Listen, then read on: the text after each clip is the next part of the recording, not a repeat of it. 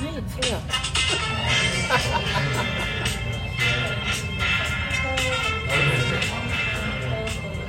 Vad säger vi god kväll? Ja, kanske man ska säga. Ljuset börjar faktiskt komma tillbaka. Ja. Men välkommen till ännu ett avsnitt av Har du haft en sketen dag på jobbet? Vi vet ju faktiskt inte hur de här avsnitten kommer i ordning. Det får ju var och en klura ut. För där har vi stora problem. Eller jag, ska jag ta det på mig? Ja, men det är trots allt du som har kommit hem. Du ska ju samtidigt ha cred. Men Ja, eh, vi lär oss. det gör inte så mycket. Nej. För varje avsnitt är... För vi kan ju säga så här, vi lyssnar ju. Så vi vet ju att det fungerar. Så alla kan tryggt lyssna på bara. Så ber jag om ursäkt att jag äter en macka, men jag är så sjukt hungrig. Jag har hört att det finns många som retar sig på det, vilket jag förstår. Förstår du det? Är det jobbigt när folk äter? Det kan vara att det låter. Ja, Det är så mycket annat som låter här. några i min närhet som det är bland det värsta som finns. Ljud av en annan människa som. Jag kan faktiskt tycka att det låter lite trevligt. Kanske inte om man sitter och smaskar i micken, men att folk äter någonting. Men det kanske är om det är fler så att det kan gå runt. Jag, kan, jag är inte heller så känslig, men jag kan ju inte garantera att Nej. det liksom... Vi ska ju ha många lyssnare så att vi får väl ta hänsyn till alla. Men har du haft en sketen dag på jobbet? Nej, det kan jag inte påstå. Den har varit oerhört intensiv. Och eh, jag har träffat väldigt många människor, väldigt många helt nya människor. Om man nu med väldigt många menar... Eh, Tre. nej, faktiskt typ tio nya människor. Åh. Så det är ju ändå som du ska ha någon form av eh, liksom connection. Eh, annars är det ju inte i jämförelse med hur många människor som finns på jorden. är det inte så många. Nej. Men ehm, Allting är relativt. allt är relativt. Men det här är också så intressant för i det här sammanhanget så eh, handlar det ju om eh, en jobbansökan. Och eh, hur tydligt det blir med språkets makt. Och där jag funderar väldigt mycket över just den här svårigheten som är främst för kvinnor som, som står utanför arbetsmarknaden för att språket är inte tillräckligt bra om du ska vara någonstans där språket ändå har betydelse. Mm. Men där Fint sagt.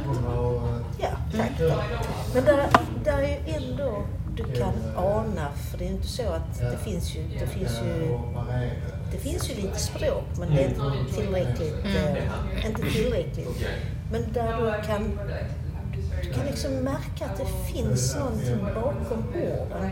Precis som när du själv ska försöka beskriva någonting på ett språk som du inte till fullo behärskar. Och den frustrationen som, som jag i alla fall kan känna när du, när du vet att du kan, kan måla nyanser på svenska, men på det här språket blir det bara platt och lite liksom pubertalt. Alltså väldigt... eh, Ja, men det är ungefär som att försöka förklara vägen för någon på engelska. Ja, och det är ju ändå språk som vi har haft med oss hela vägen. Men tänk alla de som ska liksom brottas med ett språk som inte ens man har aldrig hört det kanske. Man, det ligger inte alls nära ens eget modersmål. Och jag är så imponerad över att de ändå kan liksom komma så pass långt. Men ändå så är risken stor att dörren ändå förblir stängd.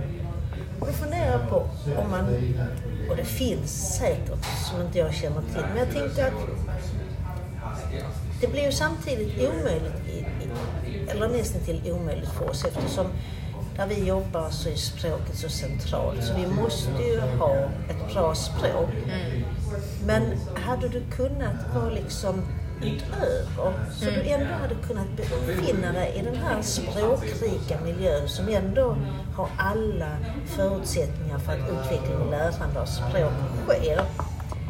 Så skulle det ju vara fantastiskt, tänker jag, för många, främst kvinnor, som jag tror står mest, eller det är ju så, det är ju konstaterat att de står mest utanför. Men då kan jag upplysa dig om att 2016 hade man språkplatser på förskolan. Det var så. Nu är det inte förskolan vi pratar om. Nej, men det kan ju vara bra att veta för de sysslar Men inom förskolan och skolan fanns det språkplatser. Men där finns ju idag något som heter servicevärdar. Mm. Och de ska ju vara en typ språkplats. De är ju där för att komma närmare arbetslivet men också för att språket ska Mm. förstärkas. Men de är ju ändå rätt, liksom, de är ju, jag tänker på de som ändå har, till och med har en ped- pedagogisk utbildning. För det är ju det, Alltså jag tänker så här att det borde ju kunna ligga i SFI-utbildningarna. mm, Alltså, du måste gå SFI när du kommer hit. mm, Skulle inte där kunna ligga ett halvårs mm. För jag menar, så mycket läser du inte. Alltså jag tror inte man läser åtta timmar om dagen. Jag har ingen aning om hur det är upplagt men det var ju strålande. Men även om man läser åtta timmar om dagen, det är ju jättesvårt att läsa sig till ett språk. Mm. Du måste ju nästan prata det. Mm. Och jag menar, då kan man ju förstå, eh, alltså vara extra i en reception. Vad sa du att vara? Extra i en reception, Ja, ja. vad som helst. Mm. Hotell, restaurang, Men jag tänker många, bokningar. många, inte alla, men många har ju någon form av utbildning i yrkesliv med sig. Eh, och då skulle det ju vara riktat i de branscherna, de verksamheterna som, som står Ja, för där närmast. har man ju ofta orden och Mm. begreppen.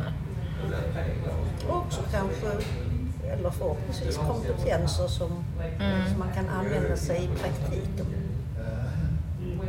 För det gör, gör, det gör ont. Inte för alla, men det är ju likadant oavsett. För, för en del träffar starkare än andra.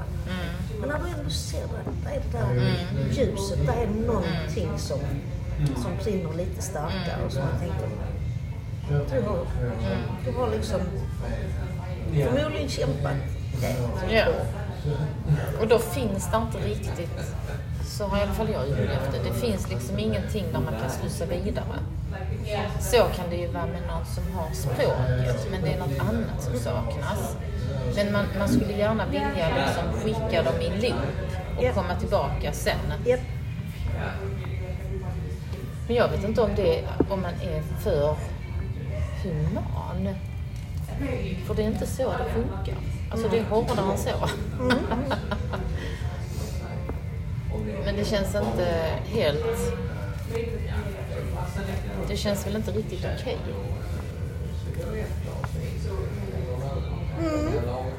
Så att de tio människorna som du har träffat idag, det har varit rekryteringar? Gud vad jobbigt. Inte så farligt faktiskt. Inte? Jag har kört gruppintervjuer som, ehm, som jag tycker är faktiskt att föredra om man har många sökande. För också så, dels så, så är det lite tidsbesparande, men det är också att du får ännu tydligare bild eftersom där sker en jämförelse inbördes i den gruppen.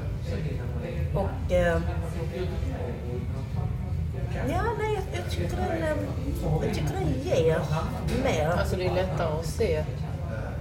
Det är samma frågor man ska ställa. Det är lättare att se tre stycken i ett sammanhang. Ja. Och så kan du då se lite grann hur de skiljer sig och så visst är det krävande för det ställer ju ändå krav på att man, man är uppmärksam och, men, eh, men ändå bra. Och så har jag haft någon enskild också. som ville byta verksamhetsfält helt och hållet. Mhm. Så ja, det är också intressant. Ja. Det är som jag. Mm. Jag har sökt, jag har sökt jobb. Nu ska vi ju inte nämna några namn, Nej. men eh, som eh, tidsbiträde. Mm. 15-20 timmar i veckan. Jag får ju ställa mig till de som eh, studerar och söker extrajobb. Intressant när vi pratar om rekrytering. Jag som är jobbsökande då. Jag går ut och kollar med jämna mellanrum förutom där jag ligger på bevakning. Och så gjorde jag en sån här sökning häromdagen. Där jag filtrerar på ort. Jag tror inte, nej jag gjorde ingen filtrering på yrke. Jag filtrerar bara på ort. Och då hade jag kanske tre, tre eller fyra orter. Jag vill inte pendla så långt. Så jag tänkte då håller jag mig till det. Och sen filtrerar jag deltid. Först sökte jag på heltid, eller alla. Och jag vet inte om det var 30 000 eller 60 000 lediga tjänster. Och så drog jag ner och sökte deltid. 350 jobb. Vad säger det? Alltså jag blir ju nästan lite upprörd. Vad är detta? Ja men varför finns det inte fler deltidsjobb? Men det har ju verkat för att skippa ju. Ja. Och Och jag- det är väl inte rätt? Nej. Nej, men jag, jag har också funderat över det såklart eftersom jag har varit en ivrig facklig företrädare eftersom det är ju så att man pratar om det som kvinnofälla ju. Eftersom man har konstruerat mm. tjänster som Och inte det är valfria. sen 15 år tillbaka. Mm, mm. Och då tänker jag så här. Ja men alla kvinnor då, om det anses som en kvinnofälla. Så alla kvinnor som vill ha 100 procentiga tjänster ska ju erbjudas det. Men om det fortfarande finns människor som vill jobba deltid, som kanske vill ha två olika jobb. Ja. Eller vill jobba 75 procent. Fast de inte har barn, fast de är ensamstående. Alltså, och det, då finns inte det. Men är det inte så att de flesta ändå går och löser, alltså att, att man går ut med 100 procent, för det är ju absolut enklast oftast, 100, om det inte är väldigt eh, liksom, tillyxat. Men att, alltså vi har ju haft en del sökande som, alltså det har gått ut med 100, men de har inte velat mer än typ 75, 80 kanske. Och att man då ändå har kunnat anpassa det.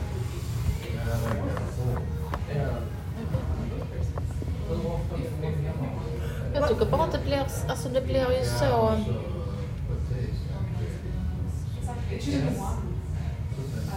Alltså dels tänker jag att det hade ju gett fler jobb.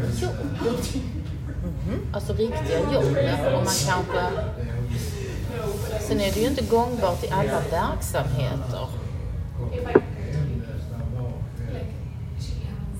Men Men... ehm, med sex timmars arbetsdag för alla, det har ju drivits under lång tid och kommit jättelångt. Men jag tror, jag tror de allra flesta hade vunnit på det, även om, även om eh, det är svårt att avgränsa om inte det tillskjuts tillräckligt mycket folk. Fast det är ju en annan sak. För det ska ju vara sex timmars arbetsdag och betalt för åtta. Ja, exakt. Men risken är ju då ännu större att du på de sex timmarna ska göra lika mycket som du gör på åtta timmar. Men jag tänker mer så här. Jag är ju kanske unik. Det vet man inte. Men om jag skulle kunna tänka mig att jobba fyra timmar om dagen på eh, inom till exempel skola. Då är det ju direkt någonting som, så som jag känner. Jag har inte granskat detta. Men det är ju i hierarkin längst ner, längst bort. Det är ju ingen som då, åh oh shit, här är någon som vill jobba fyra timmar med den här kompetensen. Nej. Nej, nej, nej. Nej. Och det, det tycker jag, ja men när jag satt där och liksom då istället för att söka jobb utan bara började fundera på vad beror det här på? Vad är det för jobb som är kvar då på de här orterna som jag kan tänka mig att jobba? Ja. Säljarjobb, inget ont om dem. Jag har aldrig haft något säljarjobb eller suttit i en telefon. Eh, dela ut reklam. Eh, kom in till oss nu denna sommaren. Studerar du eller gör någonting annat så kan du göra detta. Lagerjobb.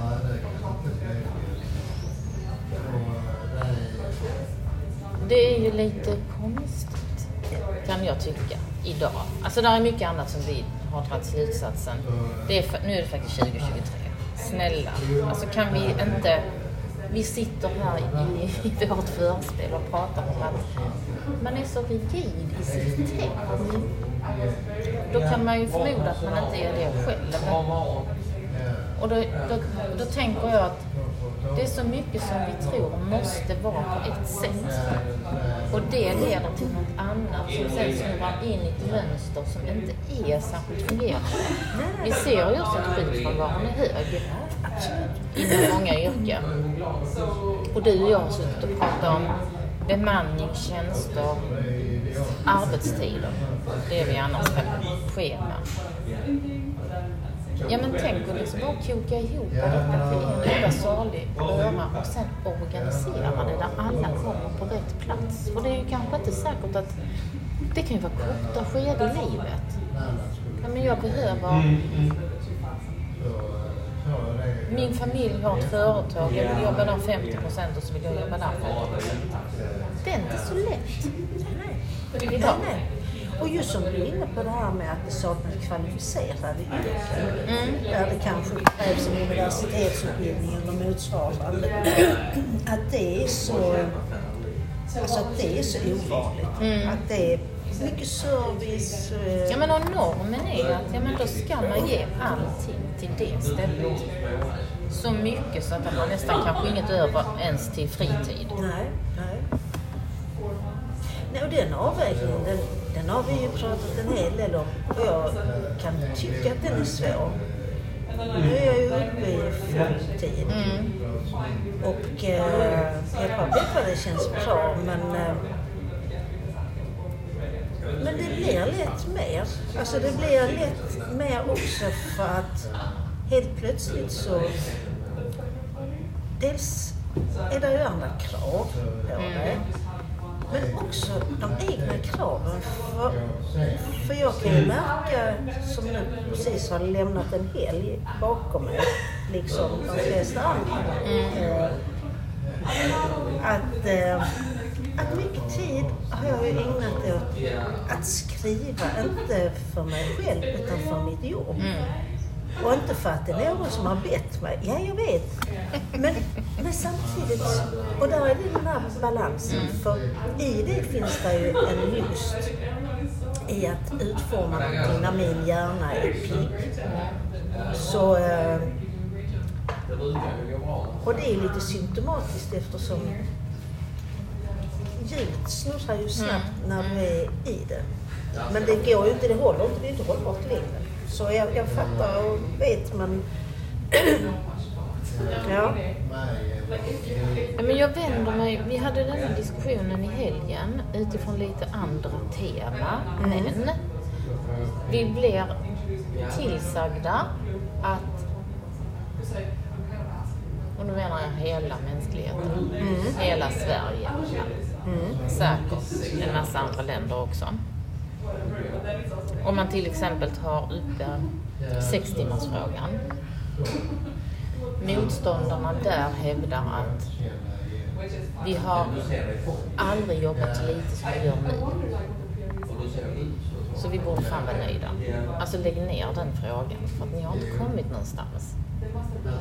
Och så börjar man då fundera och börjar diskutera helt eh, förutsättningslöst. Det är liksom ingen som brinner jätte, jättemycket men man, man man klurar på, ja men hur ser samhället ut? Vi, vi behöver ju mycket mer tid till fritid idag än vad vi behövde för 50 år sedan. Som jag ser det. För, för Utveckling.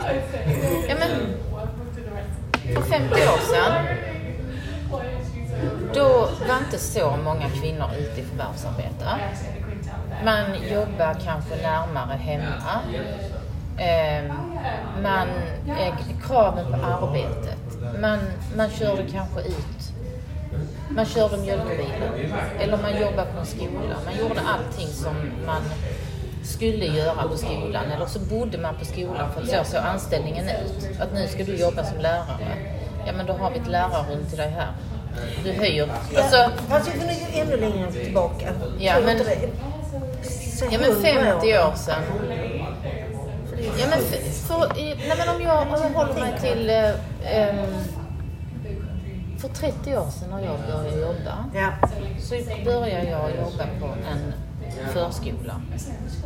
Som nyutexaminerad förskollärare. Jag kände aldrig att jag hade jobbet med mig hem.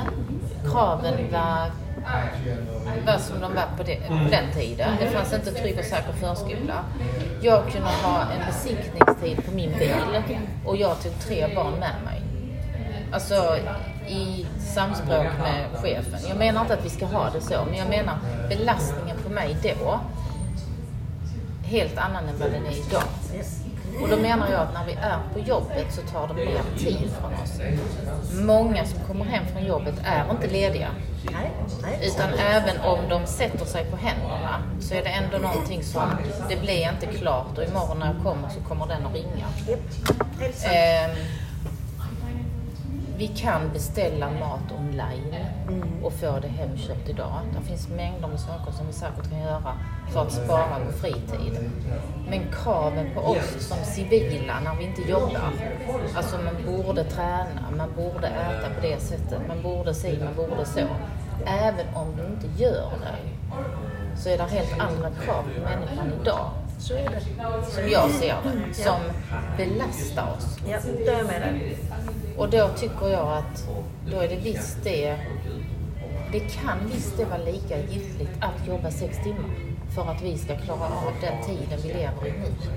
Ja, och jag Är du med? Ja, absolut. Och jag tänker också på den psykiska ohälsan. och Jag tänker på så många som springer in i den berömda väggen och sånt. Det finns ju en anledning för det. Ja, och jag tänker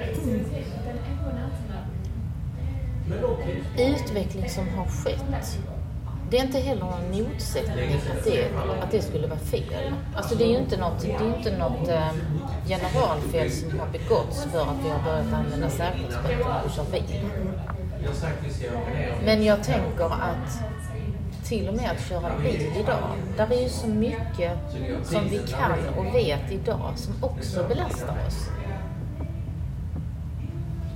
Jag menar, så sent som idag så hade, jag, hade vi ett samtal kring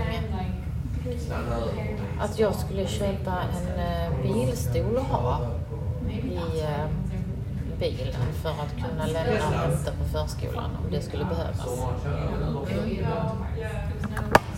Men jag menar, bilkuddar finns ju inte längre.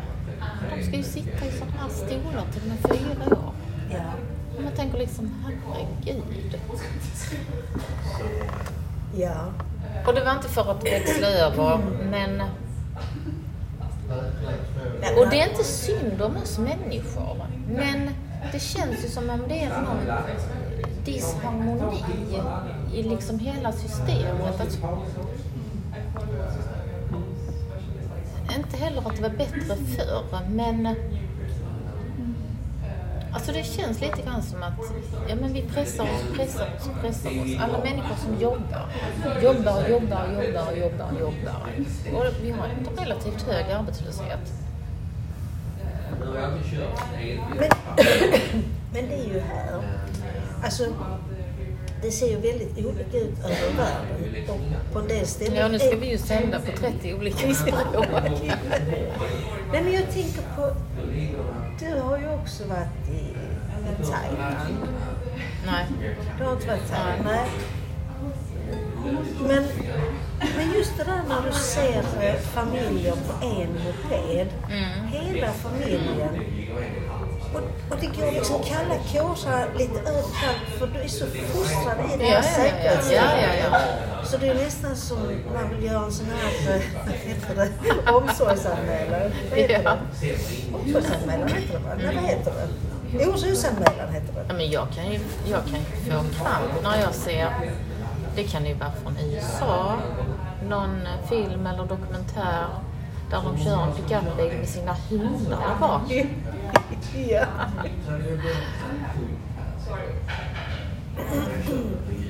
Ja, men alltså det, jag, jag tänker det moderna samhället, västvärlden.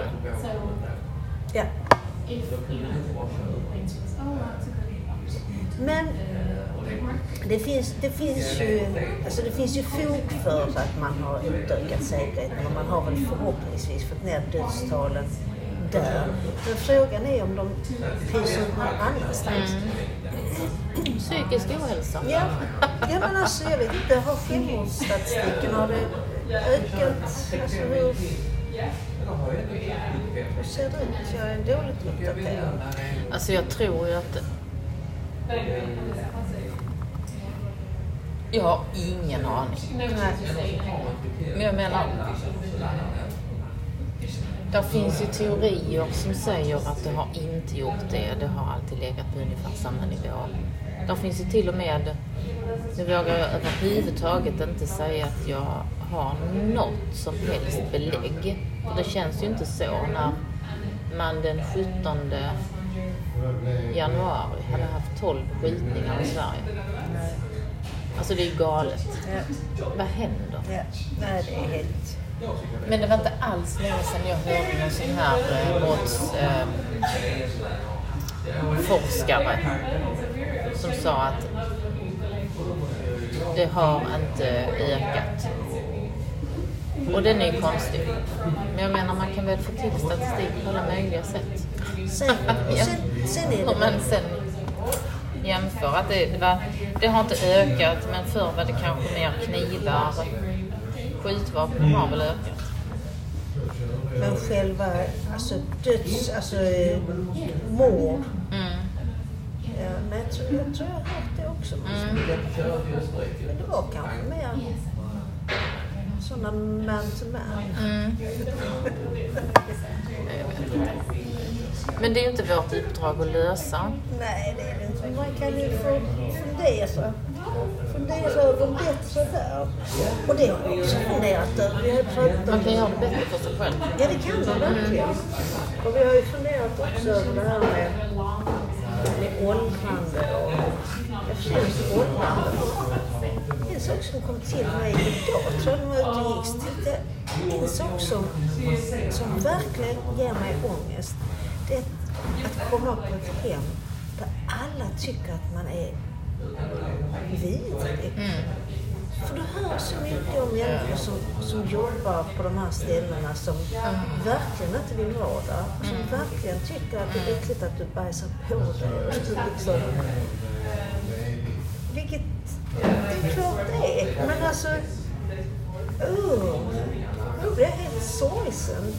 Fy fan, att ligga där och kanske inte ens kunna berätta eller ingen lyssnar på. Ja, vad tragiskt. Vi kanske inte ska gå in i den... eh, Nej, men jag tycker att det är en ganska bra bild när man beklagar sig över det åldrandet man känner av. Då kan man ju lägga ner direkt. Än så länge bajsar man inte på sig.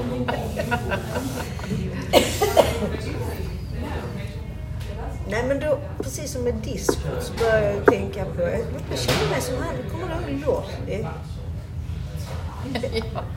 Han som Jaha. kommer in med en sån. Ja, ja, ja. Det är så Jag tänkte kommer på en att- sak. Ja. Nu ska jag Tänkte sitta på och det. såga dig. Ja. Så var det så, ah, jag tänkte inte på det. Nej, men så tänkte jag, vad är alternativet? Man skulle vilja vara på en plats där liksom, det var and understanding hela Mm. vägen in i mål. Eller mål. Ja, vi men där har vi ju vårt eh, retreat Ja, i. Frankrike. Fångar vi upp människor Vi på har vägen? ålderdomshem, Ja. vi har dagis, vi har yogacenter, vi har... Nej, vi kallar det hälsocenter. För det är inte så noga vad man gör. Alltså, man kallar det vad man vill.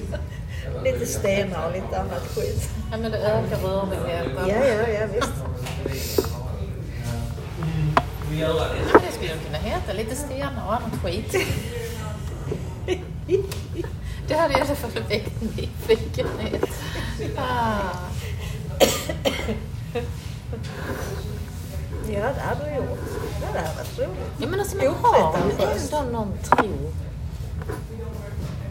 på att människor är mer lika än olika ju. Det måste man väl ändå ha? Även om man då och då känner sig unik. Och då och då känner sig verkligen som en outsider. Japp. Men till syvende och sist. Jag menar, jag kan ju se när du säger... Jag kan ju nästan se hur du tänker. Du beskrev ju diskot. Så att jag ser ju ålderdomshemmet framför mig. Ja. Lite stenar och annat skit. Ja men då tänker jag liksom, ja men ett fint hus.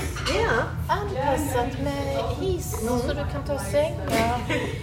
Jobba med höga fönster, högt tak, vackra listor, vackra färger. Och här jobbar vi. Vi har jätteroligt hela tiden. Och patienterna de är senila och sådär.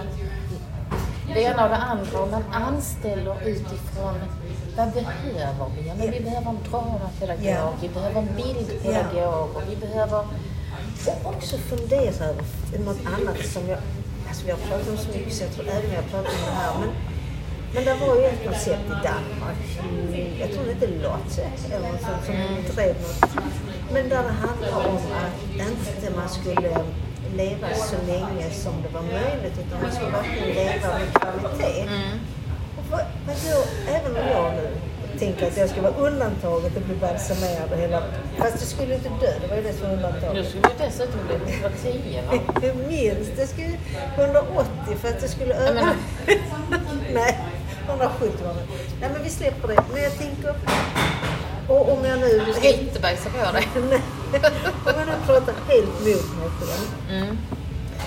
Så vad gör några år? Alltså, det är väl de sista åren. Det är nog... Jag kan inte påstå att jag har ett avslappnat förhållande till död. Det har jag inte överhuvudtaget. Jag tycker det är verkligen... Jag skulle allra helst vilja dö tillsammans med någon och hålla någon i Nej, nej, nej, nej, nej. Jag ska akta du lägger mitt vatten. Nej, men det jag skulle säga är att eh, det är trots allt de där sista, när du verkligen, alltså det där sista fasen som man skulle gärna undvika och så leva fullt ut. Jag tänker på de som Kim Andersson till exempel. Jag känner inte henne, jag vet absolut inte hur hennes sista år var. Men hon planerade ju och hade fest in i det sista. Och sen var det bara avslut. Men det jag skulle komma till är ju att de här hälsohemmen, Stenar och jag sa, behöver ju inte vara så hälsosamma. Alltså, Lite stenar och annan skit. är lite stenar och annan skit, så var det. Ja, Annars glömmer vi. ja det gör vi. Det är ju första tecken på demens. kunde vi. Nej men jag tänker att man behöver inte vara så jävla eh, PK. Allting behöver inte vara så ordentligt. Nej.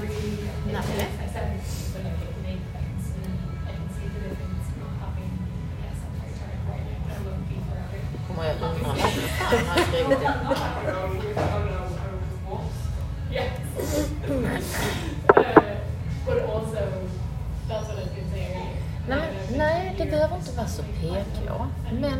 Tillbaka till det som jag snurrar in mig i. Mm.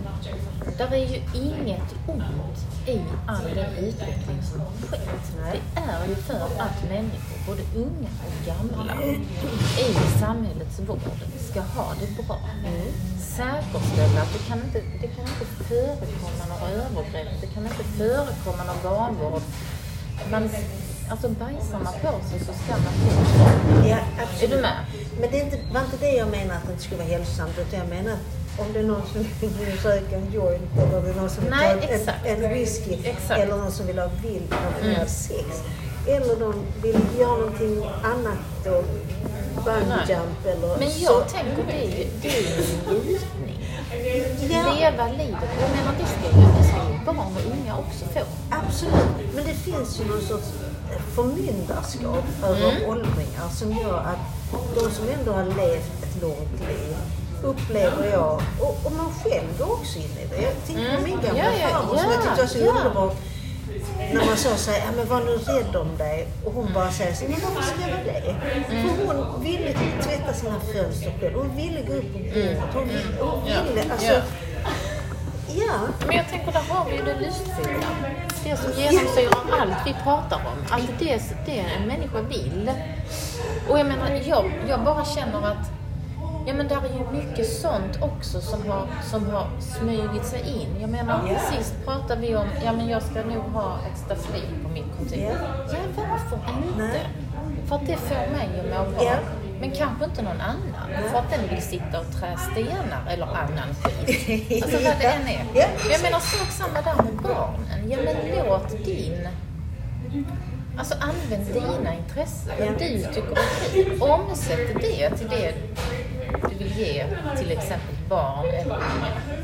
Och gör det på riktigt. Gör det på riktigt för att du har lust själv. Det här tycker jag är skitroligt. Jag menar,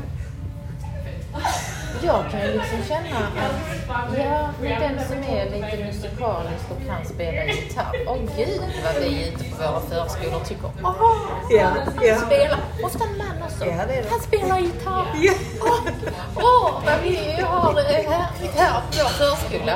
Men tittar man sig sen runt omkring så är det lika ställt där som överallt annars. Och inritat och inboxat. och, Nej, nu ska vi ha lite av detta. Så ska vi liksom... Och man vågar inte ge sig hän. Nej. Eh, Jag har skrivit en text, eh, som, eh, alltså en yrkesmässig text, men där jag verkligen har funderat över vart vi är på, vart vi är på väg. Eh, Roligt att höra att vi är på samma ja, visst är det. Du är också lite skeptisk va? ja. Nej, eh, Nej, men just den här pendeln svänger. För jag tycker att vi har haft ett sånt sjukt stramt klimat. Men nu hör man faktiskt, precis som vi har pratat om innan, mycket av det vi pratar om, vi hör det. Vi hör det i andra sammanhang. Sen vill jag inte påvisa, eller påstå kanske rättare sagt, att vi är ensamma påverkade av mängden människor. Men, men jag tycker ändå att det lustfyllda och fått... Det har inte fått Lite högre status. lite högre status. Det har inte omsatts i praktik, men det börjar pratas om det på ett annat sätt. Och jag tror alla de här katastroferna som vi faktiskt har varit igenom och pandemier, krig och skit och elände och sånt, att det frammanar något behov av motvikt till det här. Och det jag tänker skulle kunna vara någonting som skulle vara gott att komma ut ur det är ju om man kan, precis som du säger, få en högre status för det som, som vi har pratat mycket om, med lek, magi, fantasi. Och jag har ett sånt roligt projekt som jag... Jag är ju kanske ibland mer visionär än eh, en förvaltare och omsättare. Men jag tänker att det finns andra som är bra på det. Jag hade tyckt det var så... Åh, det är så roligt. Jag, Berätta.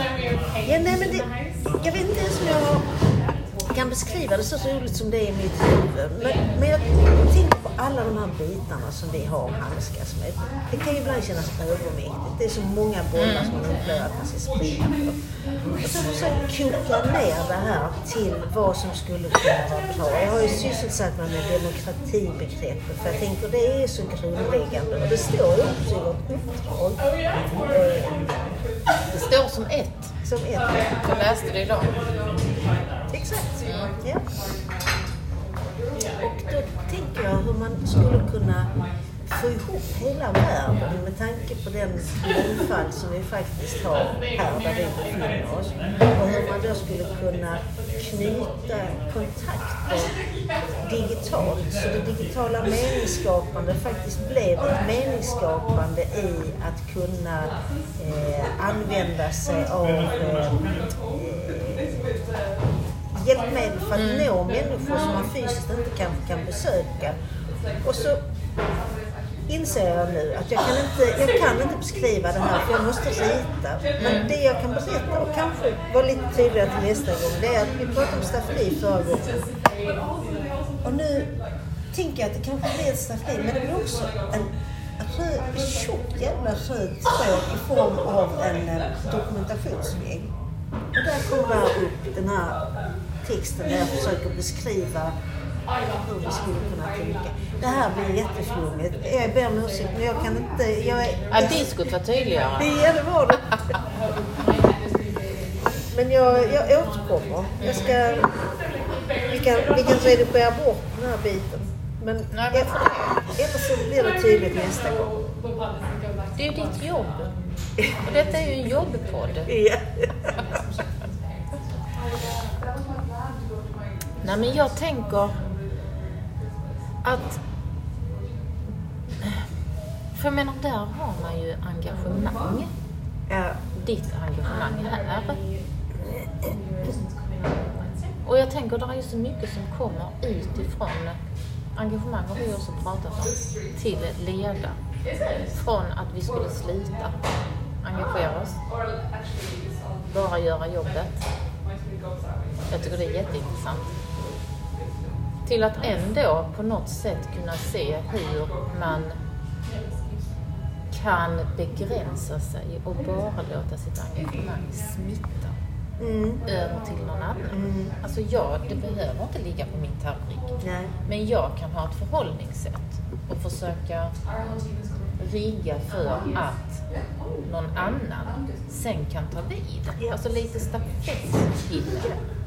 Samtidigt som jag inser mer och mer att när du är en förebild, alltså när du inte bara pratar om engagemang, utan att du rent fysiskt visar. Och jag har ju pratat om den här förråden också. Ja. Och på något vis har de för mig i alla fall blivit någon form av symbol på ett startskott på det här som jag försökte förklara innan som sen ska mynna ut i någon sorts röd tråd. Men där, Även om ingen annan förstår så tror jag att jag förstår ungefär. ja jag tror också det. Mm. För det faktiskt genererar någonting hos alla. Alltså det blir någon eh, Men det är inte respekt, det. vördnad. Alltså, Ja, men är det inte också ett sätt att se till att det finns förutsättningar för någon annan att ta vid? Och att, att initialt är det ju att som förebild sprida engagemanget som man själv känner. Utan att man gör någonting. I det är man kanske en förebild. I det kanske man är med och startar upp. Men sen att man på något sätt tydligt från början, tror jag, lämnar över. Även om man inte lämnar själv. Så lämnar man liksom över, om det sen är uppdraget eller en enskild arbetsuppgift eller ett projekt. Men Det tror jag är viktigt. Ja, för att där kan ju jag känna själv att jag har missat många, många, många, många gånger. Ja.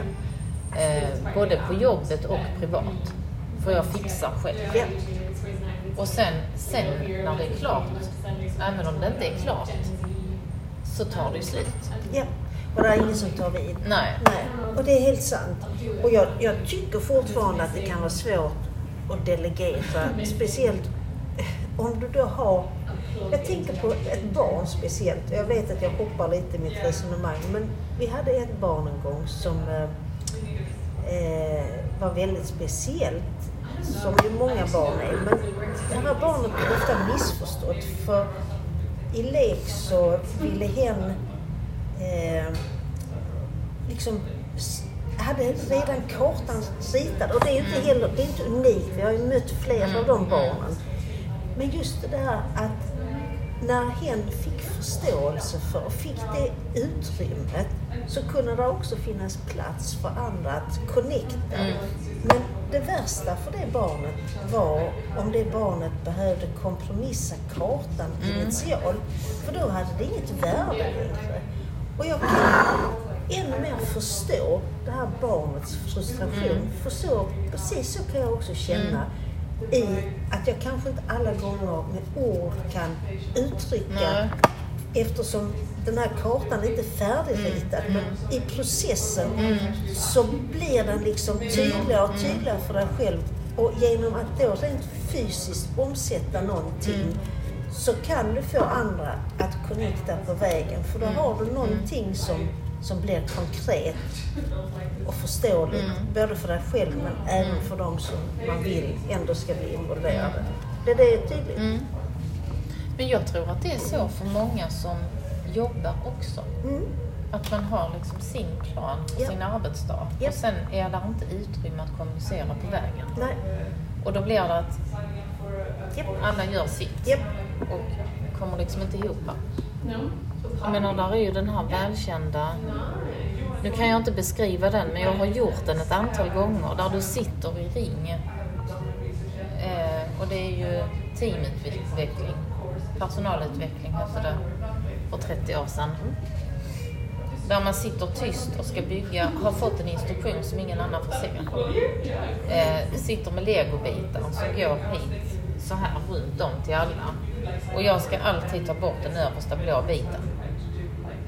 Men den andra har ju, den bredvid mig har en annan instruktion.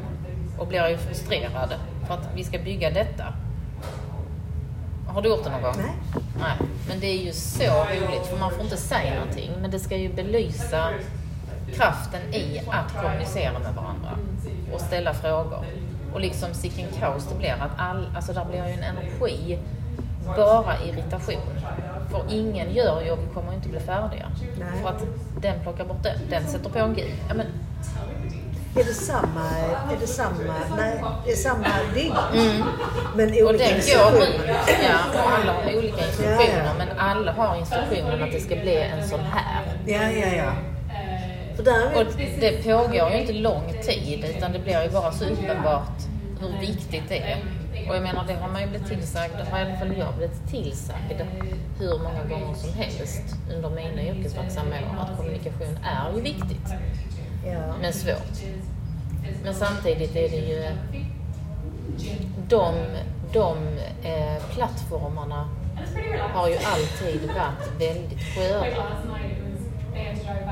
Men, men det är också intressant, för, för det är ju det uppdraget oftast förväntar. Alltså det, i det uppdraget att det förväntas av en. Men jag går på någon sån här utbildning när man pratar just om lek och lust och hela medvippen. Och då, då var det ju också att eh, hur viktigt det var att, att, att liksom få lov också att, att det var i sitt. Att den där kompromissen som vi ju ofta förväntas göra i så många olika sammanhang.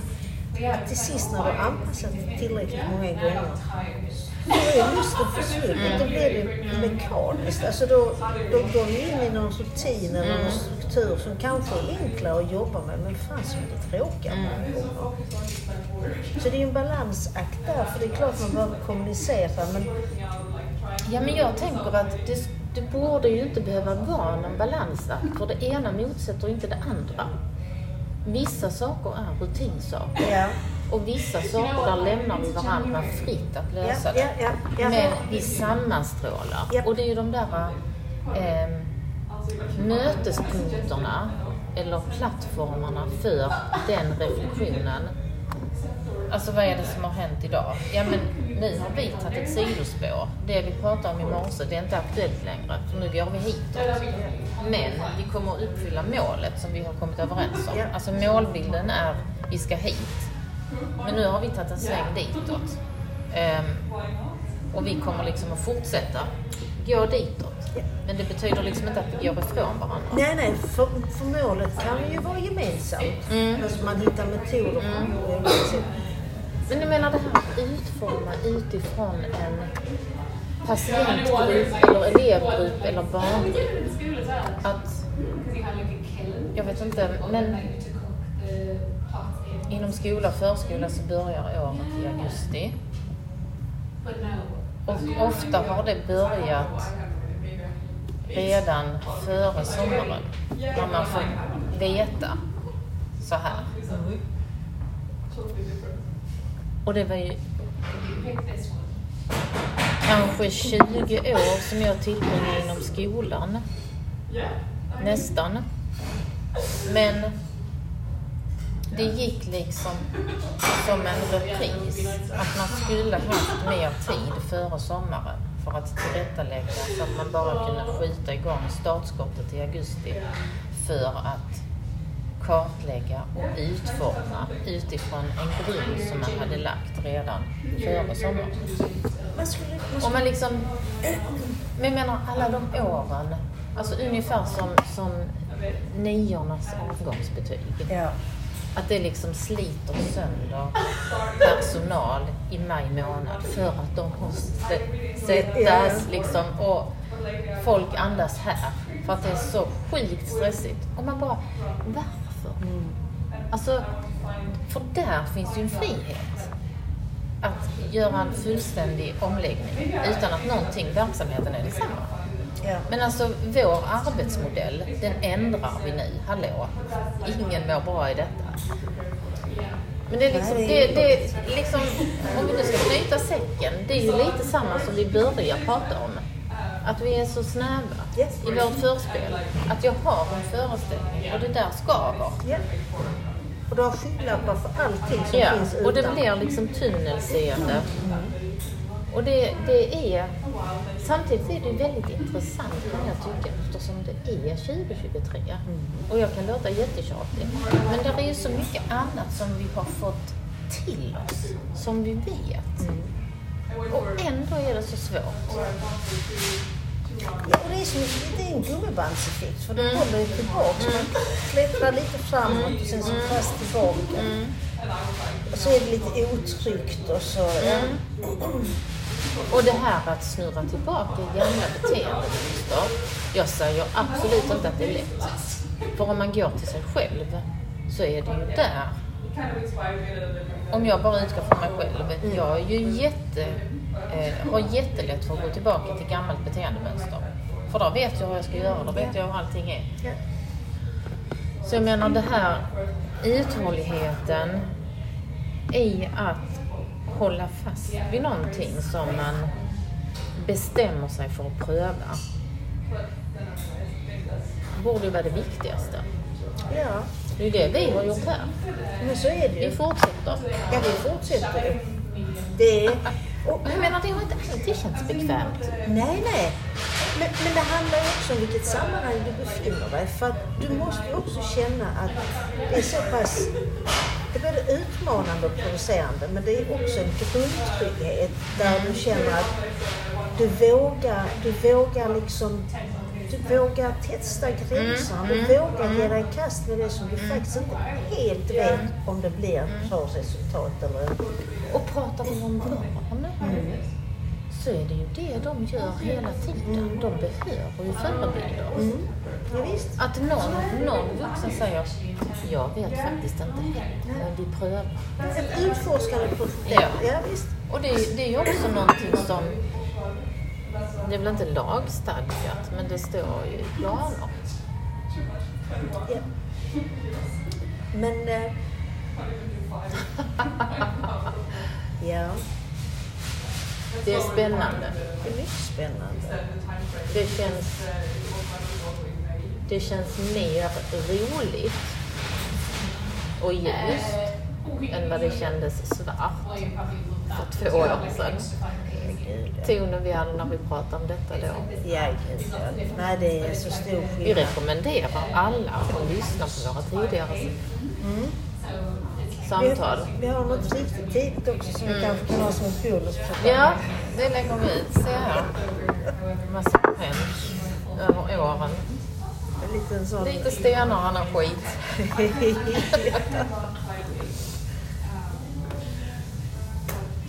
Även funderat över traditioner. Mm. För det är ju ett sånt kärt ämne också. Nu ska jag försöka, jag skissat på traditioner utifrån de sju diskrimineringsgrunderna.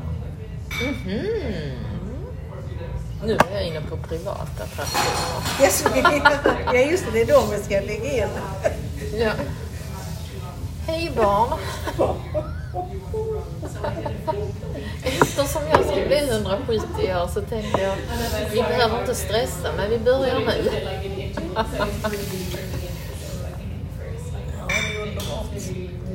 It's lovely.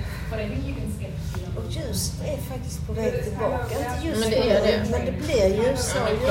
det blir faktiskt Ja. en hel timme. Är det så mycket nu? För jag tyckte det var märkbart. Mm, ja, det är underbart. Ja. Det är så underbart. Det fyller en med... eh, Ljus. ja, exakt. Ja, men det är faktiskt jätteskönt. I denna förhållandevis tunga tid. Ja. Alltså den är... Förhållandevis. Ja, Alltså men den är väl ingenting annat än tung. Nej, men, men just därför känns det så skönt att det känns inte så tungt i sinnet Mm. Nej, ändå. nej. Det är sant.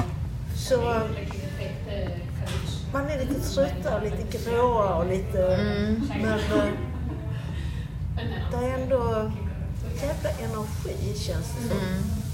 På insidan. Kanske inte alltid ut... Nej, men energin kommer. Helt klart.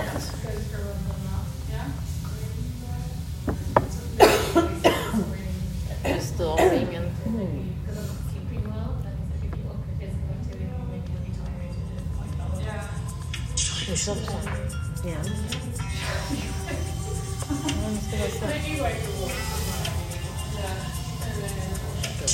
Detta är ju minst lika bra som vilken annan podd som helst. Vi ska öppna våra. Ja. Utställda byxor. Ja. Hög... Platåskor. Jag såg två Inte kvinnor högklackat utan i platå. övre medelåldern, båda med jättetunna små kvinnor med utställda brallor och, och höga, eh, någon platå. De var så jävla coola. Alltså någon liten mössa till det. Och så ner och reka. Ett palats någonstans i södra Europa. Ja, lite som eh, den här eh, den här långt bort eh, släktingen till hon som spelade Je m'appelle... Ja, ja, ja. Love. Jag tänkte ärva ett gammalt slott eller något sånt. Så härligt det hade varit. Har inte du, påbrå? Ja. Ska vi ner och reka? Se vad det är för någonting. Ett hus, ett stort slott bara fullt med lust av olika slag. Olika lystbrun. Ja, det låter som värsta porrklubben. Ja, men just, just precis som du var inne på innan, att, att bejaka alla de här olika intressena som finns och så skapa förutsättningar för dem. Ja men alltså inte bara intresse utan jag tänker också precis som du säger. Alltså den som vill vara vid någonting och bli klar ska ju kunna bli det. Medan en annan vill hålla på med fem olika saker. Och vara lite där och lite där och lite där. Och ingenting är fel. Utan vi lär av varandra. Och, och jag tänker så många gånger som, som jag har liksom dragit den slutsatsen att barn och ungdomar är fan smartare än de vuxna. Alltså de har koll på varandra. Ja men låt han vara. Det är ju han. Och, och då ska vuxna in och säga nej, så ska inte du behöva säga eller känna. För att det, är du med? Ja, ja, absolut. Alltså jag hör och ser liksom de här scenerna Och det är liksom så galet för att någonstans där brister ju den grundläggande tilliten till att, att liksom, vi är kompetenta varelser från början och har vår egen personlighet och går igenom olika skeden i livet. Men vi har också anpassat oss. Det är en anpassad Mm, ja, ja, ja. Slut med det nu. Nu ska vi bara... Ja men det är ju också intressant. För att gå in och gräva lite grann. ehm, så är det ju också ett av huvudsyftena, kanske inte med förskolan så som det ser ut nu. Men, och därmed säger vi tack och hej, så att vi inte missar det. Ja, det blir en cliffhanger till nästa.